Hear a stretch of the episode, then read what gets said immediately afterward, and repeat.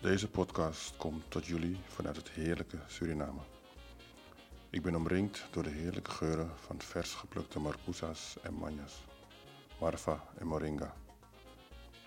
Ik ben hier op vakantie, maar ik ben hier echt thuis. Ik voel me hier echt op mijn plek.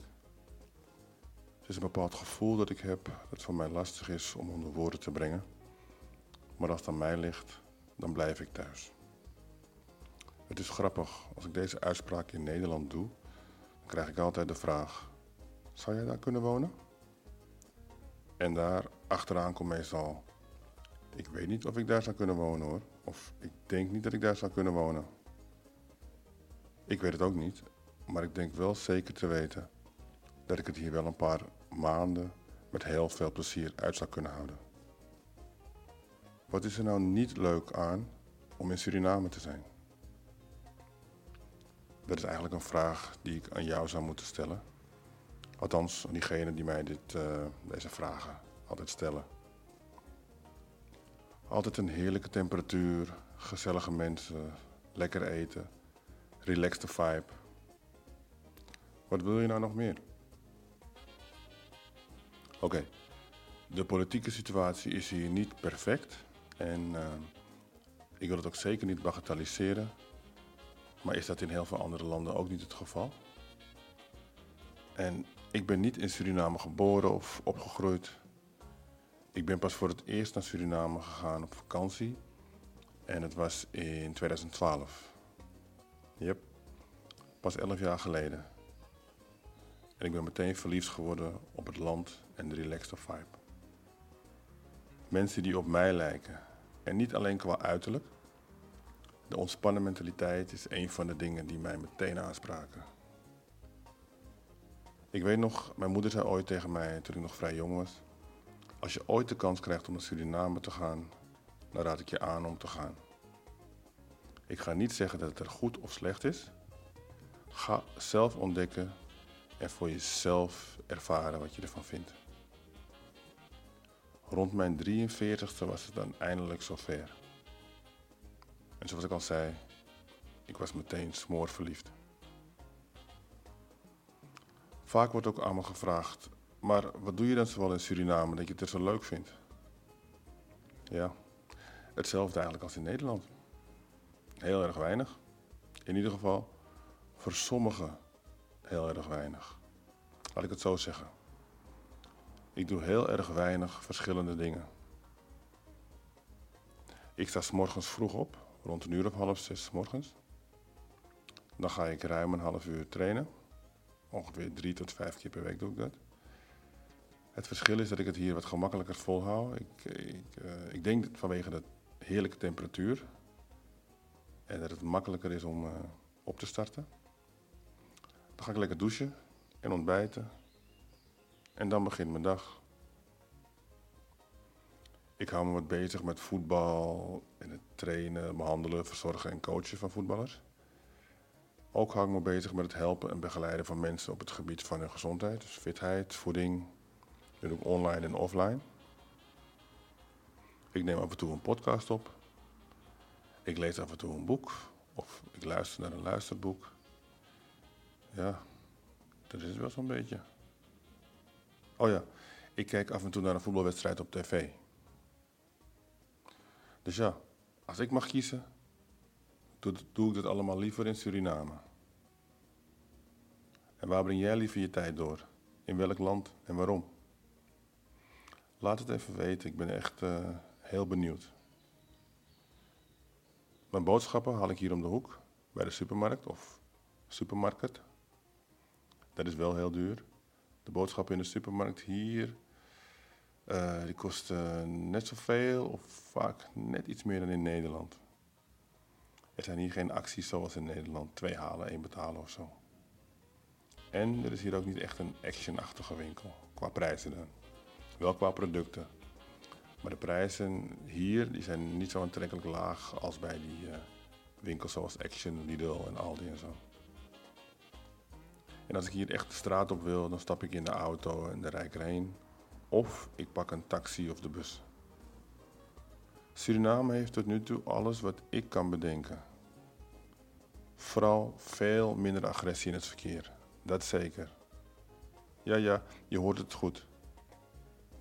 Veel minder agressie in het verkeer.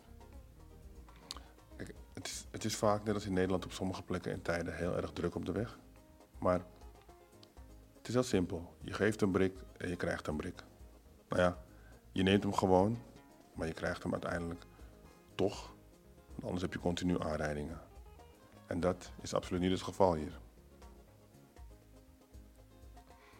Toen ik hier in 2012 uh, was en, uh, en me af en toe met een taxi liet vervoeren, toen merkte ik op dat als iemand in het verkeer een levensgevaarlijke of, uh, of wat we in Nederland een asociale handeling zouden noemen, zou, zou uithalen, was de heftigste reactie die ik hier zag een simpel handgebaar. En meneer dan even de hand omhoog. En gewoon binnen de auto. Hè. En uh, dan maakte ze een churi. En dan zeiden ze heel rustig, zoiets als... Kijk die nou. Of deze wil dood. En soms alleen een churi en klaar. En situaties die ik in Nederland heel anders heb meegemaakt. Op straat staan, neus aan neus. Krachttermen slingerend in het rond tot, uh, tot, tot de grootste straatgevechten aan toe. Toen ik, toen ik later aan mijn neefje vroeg, uh, die hier geboren en getogen is. Hij heeft heel kort in Nederland gewoond, rond zijn twaalfde geloof ik. Hij vond het helemaal niet. Mijn oom en tante zijn toen ook maar weer, heel snel met hem uh, teruggegaan. Maar ik vroeg aan hem in 2012 waarom dat de enige reactie was die hand omhoog, die jury. En uh, bij die heftige verkeerssituaties. Zijn antwoord vergeet ik echt nooit meer. Ik kan het natuurlijk niet zo zeggen zoals hij, maar hij maakte een jury en hij zei in diezelfde rustige toon: Nou, last ding. Dat is alles wat hij zei. En dat betekent zoiets als zonde van je tijd. Ik zat laatst ook bij een vriend van me in de auto en hij zei tegen me: Wat ze hier niet kennen, is ritsen. Als je er één auto tussen laat, willen ze meteen met de hele meute tussendoor duiken. En dat gebeurt dan ook massaal. maar dat is wel een dingetje. Een fatou. Een echte fatou. En Suriname zit vol mee met fatous. Suriname is gewoon relaxed. Een land vol fatous. En ik weet ook wel, er zijn genoeg negatieve dingen te bedenken en te benoemen. Maar ik weet zeker dat er meer positieve dingen te zijn, zijn te bedenken dan negatieve. Kijk, ik zie het heel simpel. Ga sowieso niet naar plekken waar je je niet prettig voelt. Net als in elk, elk ander land. En dan heb ik het niet per se over de veiligheid of zo. Maar ook gewoon, als je er niet van houdt om naar de Albert Kuipmarkt te gaan, ga dan niet naar de markt. Dus ook hier kom ik alleen op plekken die ik leuk vind. Dus ik voel me als een vis in het water. Ik ben me ook aan het oriënteren op wat ik voor de inwoners van Suriname kan betekenen.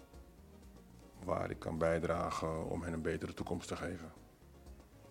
En ik weet dat er ook heel, veel andere mensen mee bezig zijn. En ik weet al in grote lijnen wat ik wil. En uh, ik ben ook al met het een en ander bezig. If you want to go fast, go alone. If you want to go far, go together. Dus als jij interesse hebt en meer wil weten wat ik allemaal uh, van plan ben, stuur me dan even een berichtje. Kijk, ik denk wel dat het duidelijk is hoe ik Suriname op dit moment ervaar. Hoe ik over Suriname denk en wat ik voor Suriname voel. Maar wat vind jij van Suriname? De positieve en de mindere punten. Ben je trots verdrietig? Zie jij Suriname als vakantieland? Of zou je hier ook willen of kunnen wonen? Wel of niet? Waarom wel, waarom niet? Misschien woon je hier al, sinds kort, of ben je hier geboren en nooit weg geweest? Of heb je even een uitstapje gemaakt naar een ander land en ben je weer terug? Of woon je hier in Suriname en sta je op het punt om te vertrekken? Vind je het niet leuk meer? Kan je het niet aan? Uh, mis je Nederland of een ander land? Ik ben echt heel benieuwd. Laat het me weten.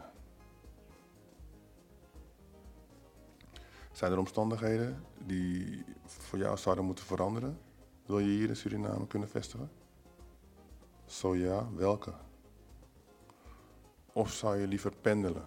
Een aantal maanden per jaar in Suriname en een aantal maanden in een ander land. Nederland bijvoorbeeld. Om en om. Zes om zes maanden per jaar.